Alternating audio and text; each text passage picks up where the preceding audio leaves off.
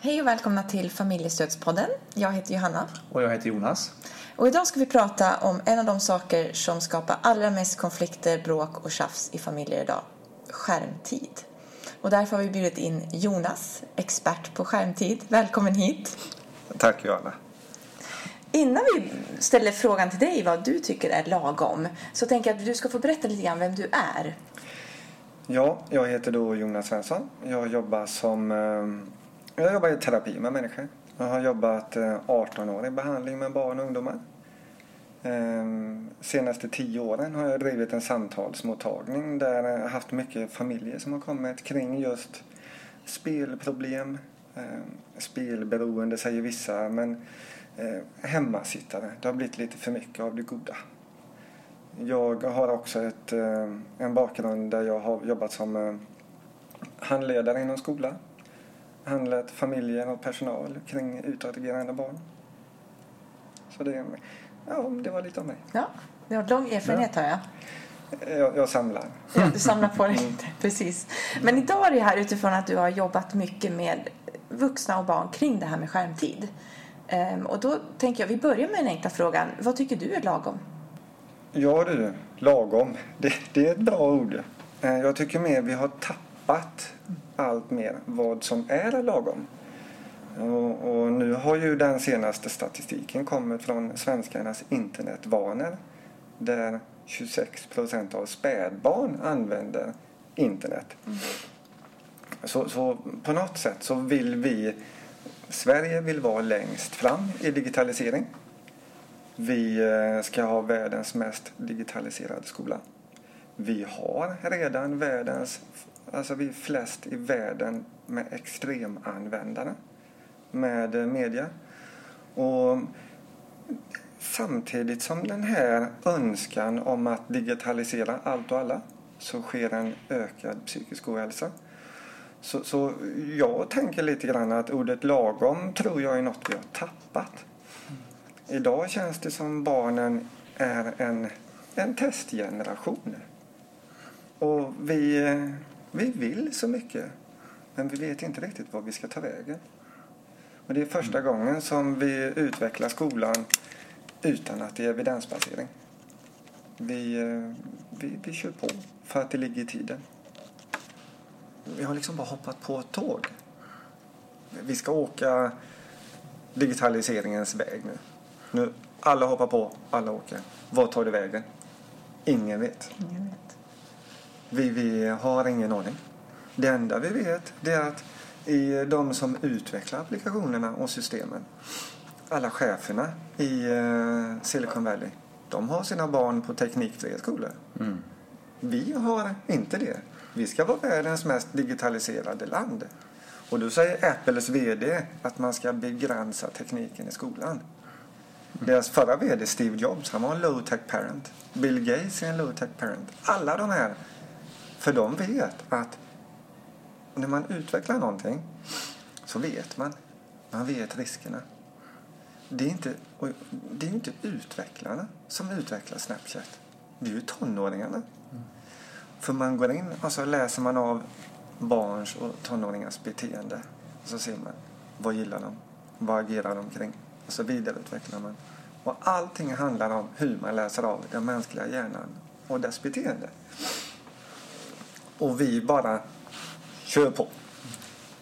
Helt utan någon tanke om att ja, kan det finnas en baksida på det här? Mm. Det, det, är ju vinstdrivande företag. Vad tror du det kan bero på? För jag läste också någonstans att man gjorde en liknelse till att svenskar är, vi ska vara så lagom alltid. Mm. Men just när det gäller digitala vanor så blir vi extrema i ja, världen. Vad, vad beror det på? Har du någon tanke? Mycket bra fråga.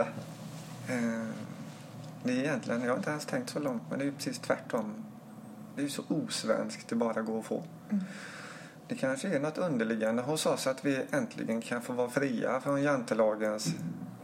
Mm. alltså jag vet inte. Nej. Men någonting är det, det är rätt fascinerande. Mm.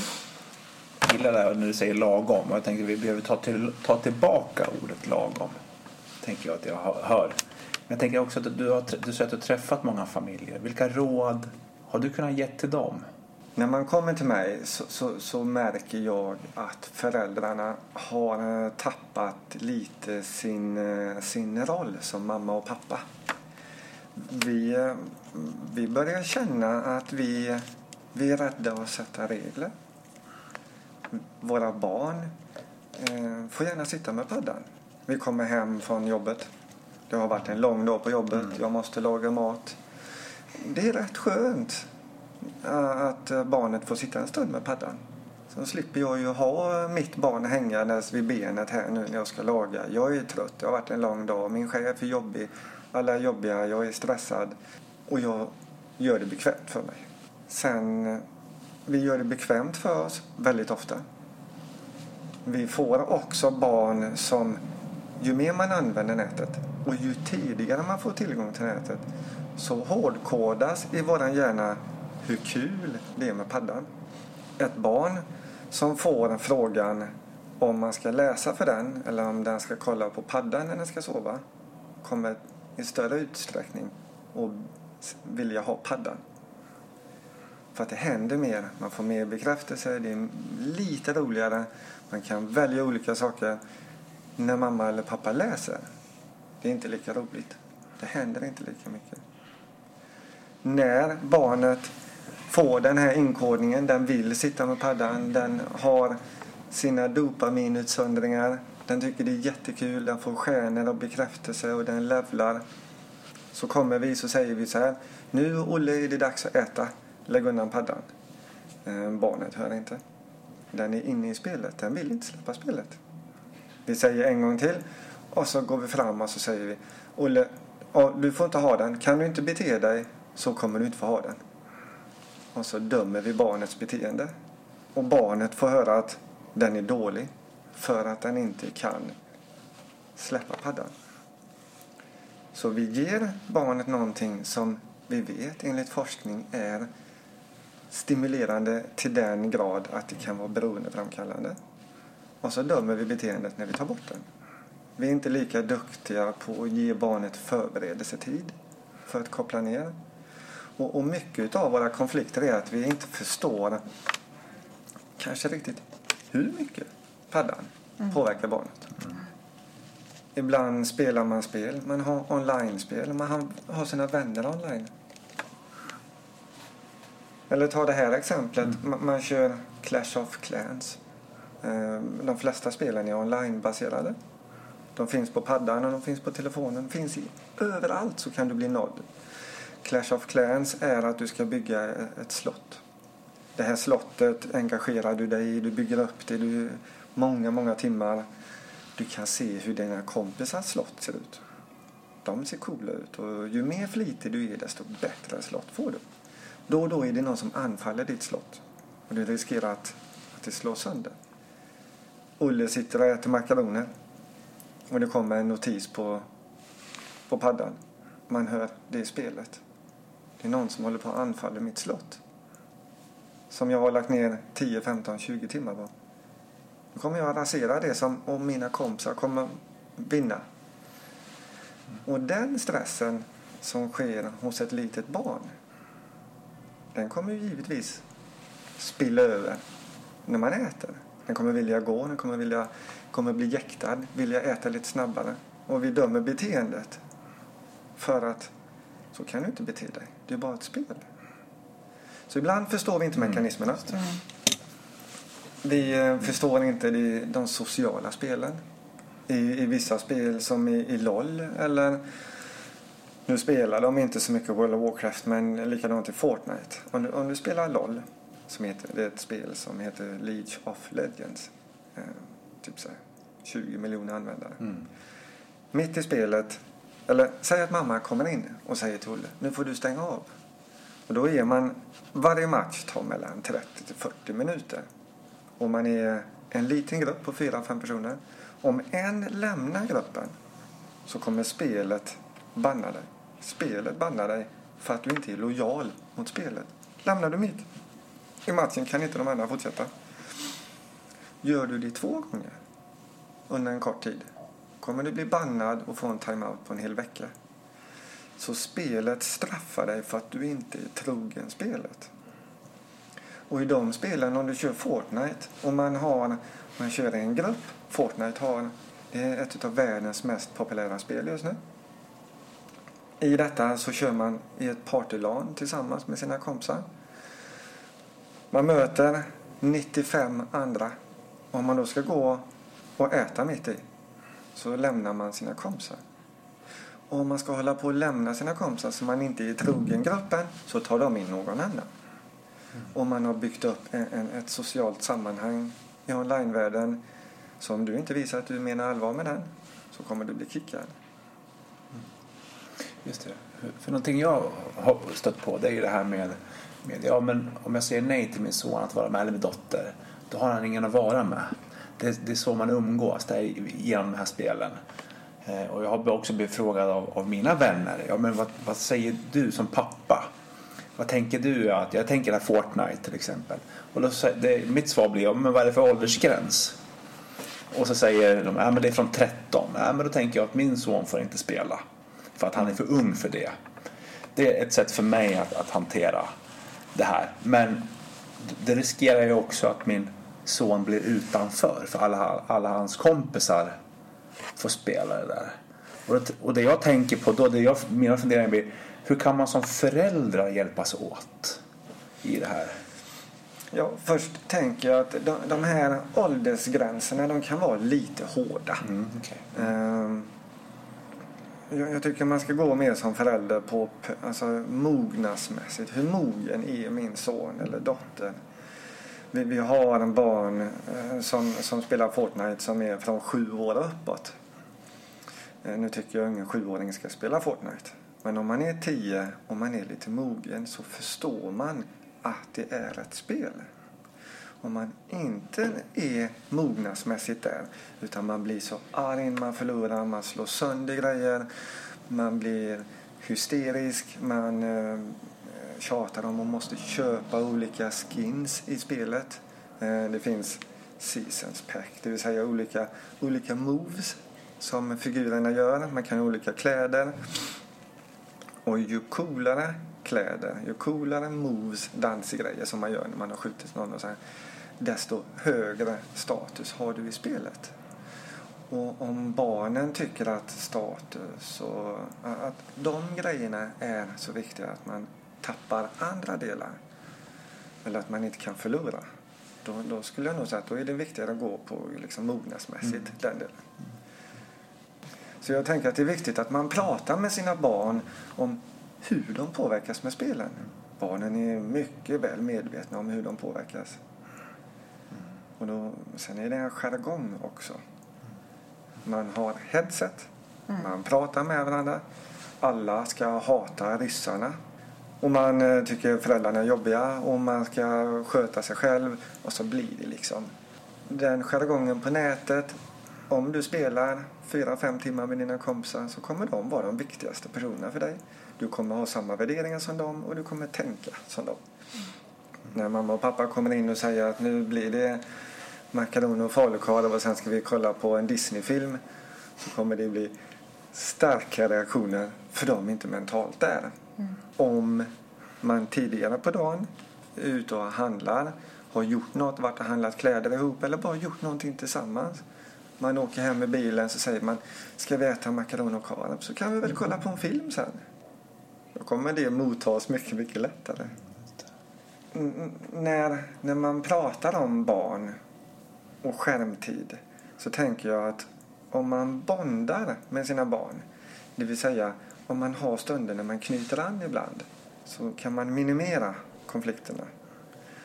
Och jag åker runt och föreläser väldigt mycket. Det, det var nog tio år sedan som jag började bli medveten om hur jag kunde påverka mina barns val genom hur jag var.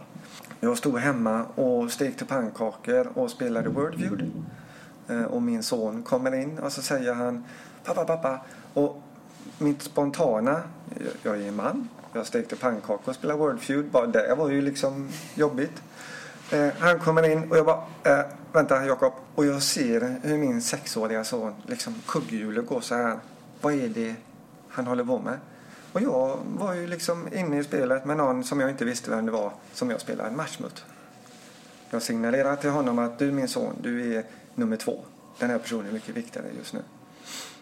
Och när jag blev medveten om att jag väldigt ofta skickade de här signalerna så märkte jag också att hans beteende blev annorlunda. Så jag var och kollade när han spelade judo. Eller spelade judo. Han höll på med judo på mattan.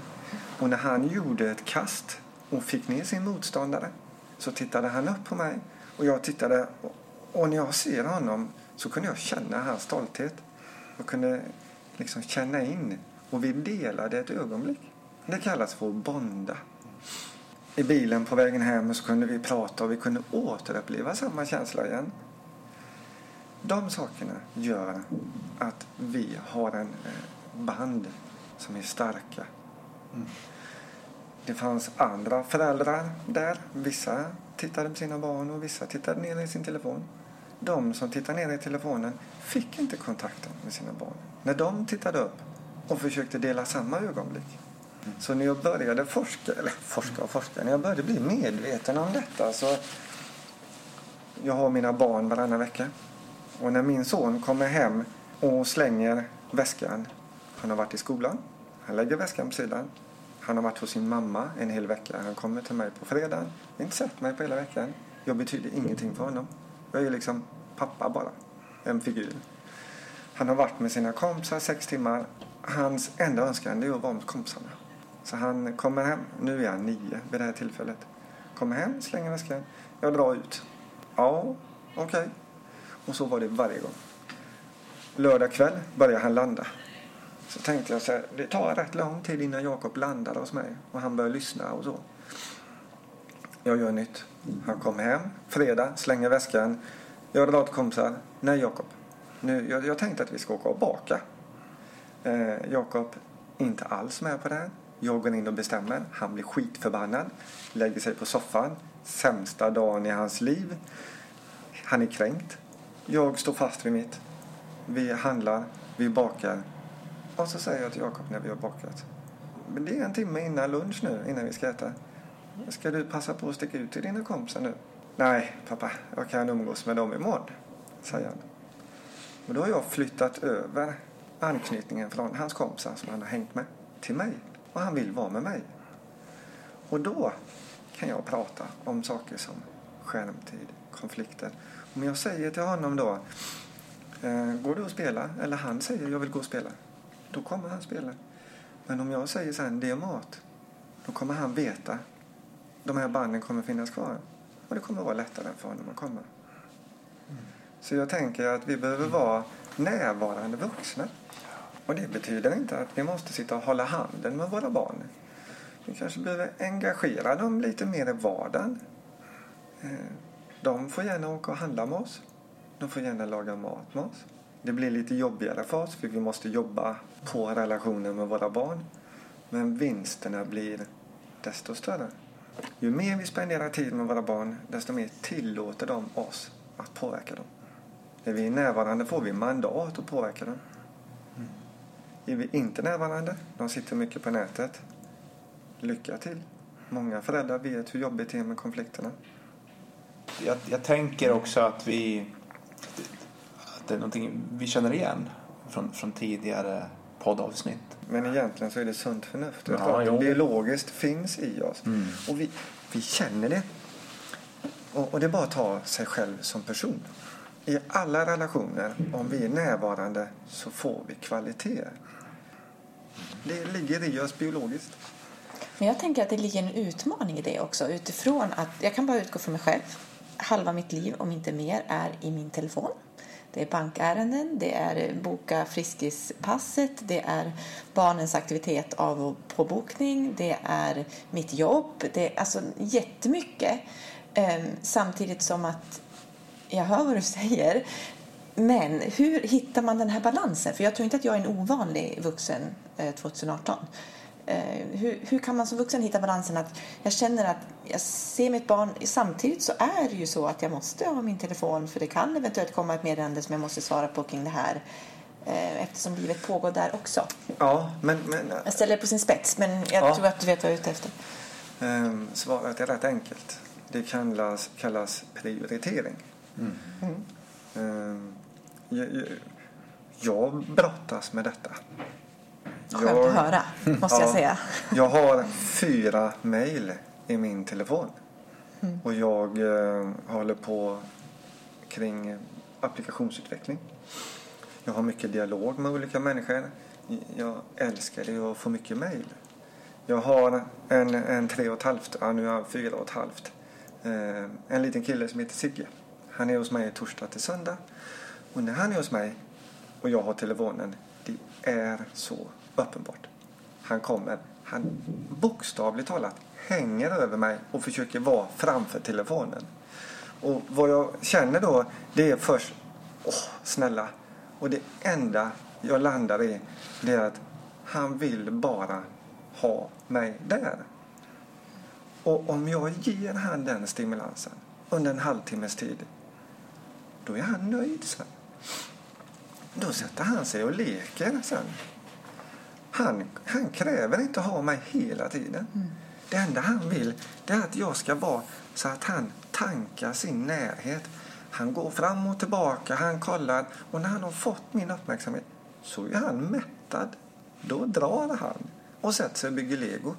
Och jag kan gå in och jag kan bygga, jag kan gå ut och laga mat och så.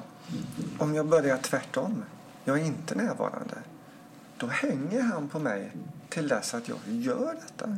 Och jag gör det bara jobbigt för mig själv. Så genom att komma hem, vi sätter oss och leker tills dess att jag känner att han är mättad. Då går han.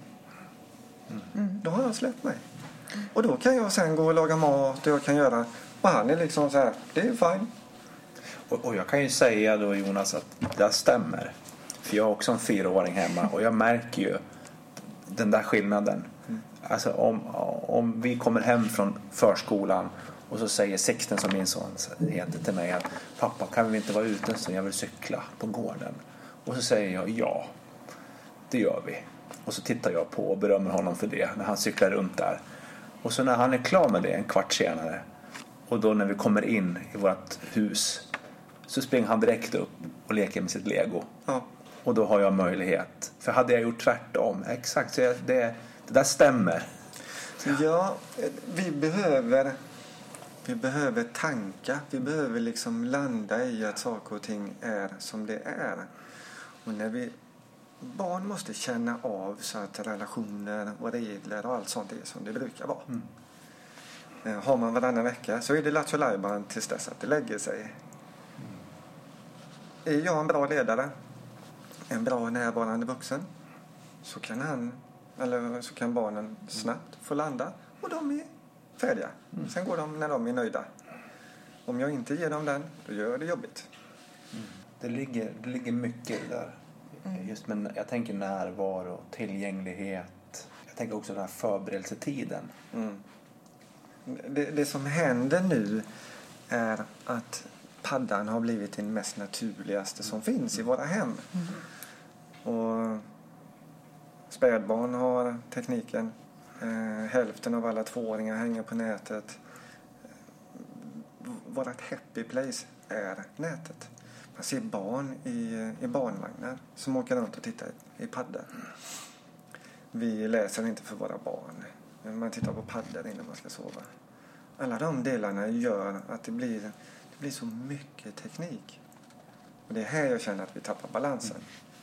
Det, det blir, vi, vi lägger våra barns utveckling, deras eh, påverkansfaktorer är vi är inte först. Vi är inte de som styr. Och när jag var liten och mina stora barn de har fått titta på film. De har fått titta på två, tre filmer på en dag om det är helg och det regnar ute och du vet så. Men du kan inte påverka tvn. Bananer i pyjamas går åt samma håll varje gång. De säger samma sak varje film. Men när vi trycker på en padda och det händer något och det kommer en stjärna och det kommer någon, någon gubbe som ger oss bekräftelse så blir vi glada och vi får en dopaminutsöndring.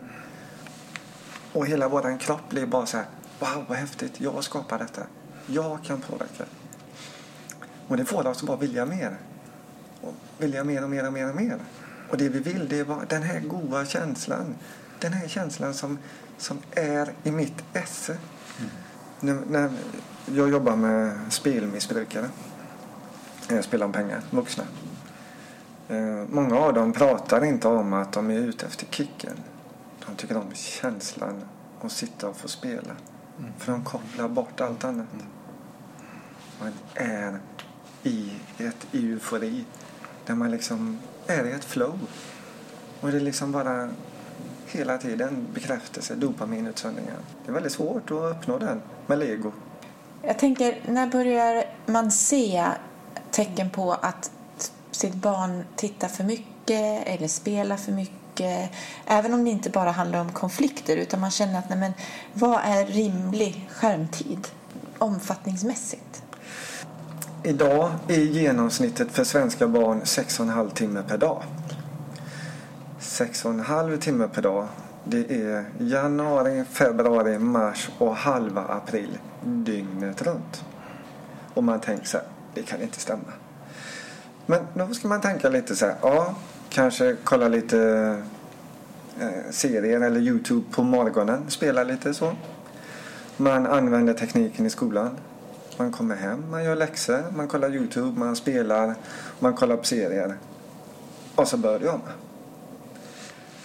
Tre och en halv timme skärmtid. Fyra timmar om... Eh, man, man, och så sover vi. Åtta timmar. Det blir inte så många timmar kvar. Så när, när tre och en halv månad försvinner varje år och vi sover fyra de resterande de ska ju bygga en ung vuxen mogen för relationer, jobb, för eller motgångar och medgångar. Inte bara online. Så där tänker jag, mm. vad är lagom? Jag tänker, låt barn sitta fyra timmar. Men vissa dagar så gör man ingenting alls. Och märker man att barn inte kan koppla ner, då är det viktigt att, att, att se det.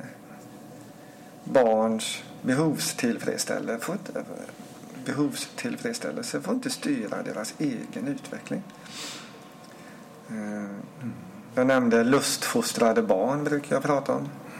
Eh, det är bra, men bara lust skapar väldigt lite önskan om att liksom göra de här tråkiga sakerna.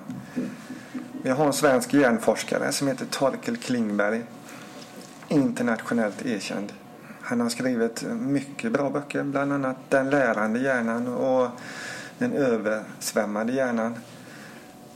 Torkel pratar om någonting som kallas för grit. Eh, det är en, hjärnsubstans som man kan mäta. Han kallar den för jävlar anamma-substansen. Och, och vi får den bara när vi liksom vi håller på med läxorna. Vi tragglar med grejer som, som är svåra. Vi måste göra det om och om igen. Det är jobbigt. Vi står inte ut. Men vi startar om och vi försöker igen. Övar vi på det så kommer vi liksom stå emot tuffa perioder. Och när jag är ute och skolan, jag jobbar som kurator på skolan. Jag ser väldigt många barn som ger upp väldigt fort idag. Den här jävlar anamma substansen. Den, den är inte lika framträdande. Mm. Och det blir ett handikapp för barn. Barn måste ha tråkigt och lära sig att vissa saker tar tid att få. Jätteintressant.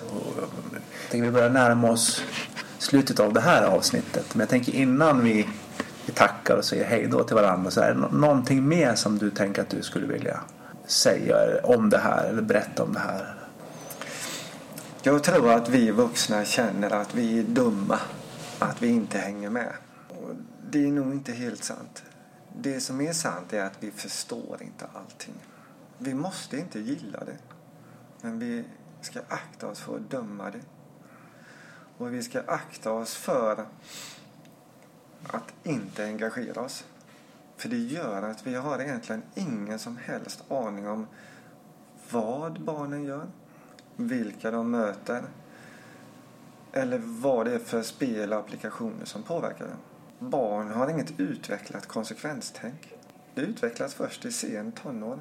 Så ett barn som säger till ett annat barn att eh, eh ta en bild på detta, gör detta. Har inte fullt utvecklat, förstår inte riktigt konsekvenserna av vad det kan ta vägen. Eh, en av de riskerna som, som jag ser det är att eh, mycket av unga flickor sitter hemma själva på sina rum. Man umgås online. Och i det så eh, möter man människor som man inte vet hur de ser ut. Och man befinner sig på stallet och Moviestar Planet och olika sociala forum. Och i en rätt tuff värld med, med selfies och Instagram och allt sånt så, så måste du ha någon som du ska ventilera med. Och, och då och då så möter man en person på något, på säg Bolibompa eller Stallet eller Movies Planet som, som heter Lina, 12 år. Lina tycker om samma sak som, som mig. Lina har också önskan om att få en egen häst. Lina finns alltid där när jag frågar saker. Jag börjar anförtro mig till Lina. Och Lina blir liksom den som jag vill hänga med. Som jag tänker på när jag är i skolan. När jag kommer hem så finns Lina där. Och vi pratar och jag delar med mig med det innersta. En vacker dag så kommer det liksom fram att Lina inte är Lina. Och Lina har så mycket info om mig som jag inte vill att hon ska ha. Och Lina utpressar mig.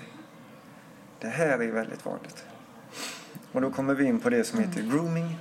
Och det som sker, grooming är alltså när män söker kontakt med unga flickor i sexuellt syfte.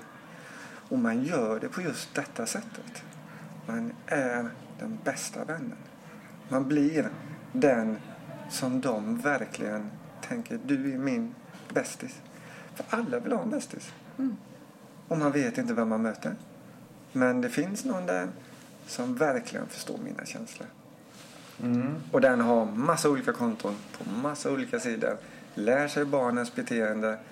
Och sen så kommer det liksom, när man har fått tillräckligt mycket information så kommer slaget tillbaka. Och om tjejen har anförtrott sig för mycket åt folk på nätet då blir skuld och skam väldigt stor. Ska jag, ska jag gå till mamma och pappa? Vad ska jag säga till dem? Nu har jag berättat mina innersta saker till Lina här nu 12 år. Lina är inte Lina. Vem ska jag vända mig om? Mm. Där har vi någonting som många unga mår dåligt för. Och, och, hur ska man hjälpa dem? Egentligen, det här är ingen raketforskning. Jag tänker, mina barn, om de är någonstans så säger jag så här. Vem, eh, du har varit eh, hos, eh, vem har du varit hos? Ja, jag har varit hos eh, Lina. Ja, ja, vem är Lina? Var bor hon? Vad gör henne? Och så har vi alltid försökt ta reda på lite grann är Lina bra? Alltså vi har väl lite någon som hänger och röker och dricker folköl nu. Och så försöker vi få fakta. Men på nätet har vi slutat. Jag har liksom så här. Vad gör du? Nej, jag är här. Ja, ja. Det är mat klockan 18. Mm. Ja, ja, gå nu. Vad jobbig du är.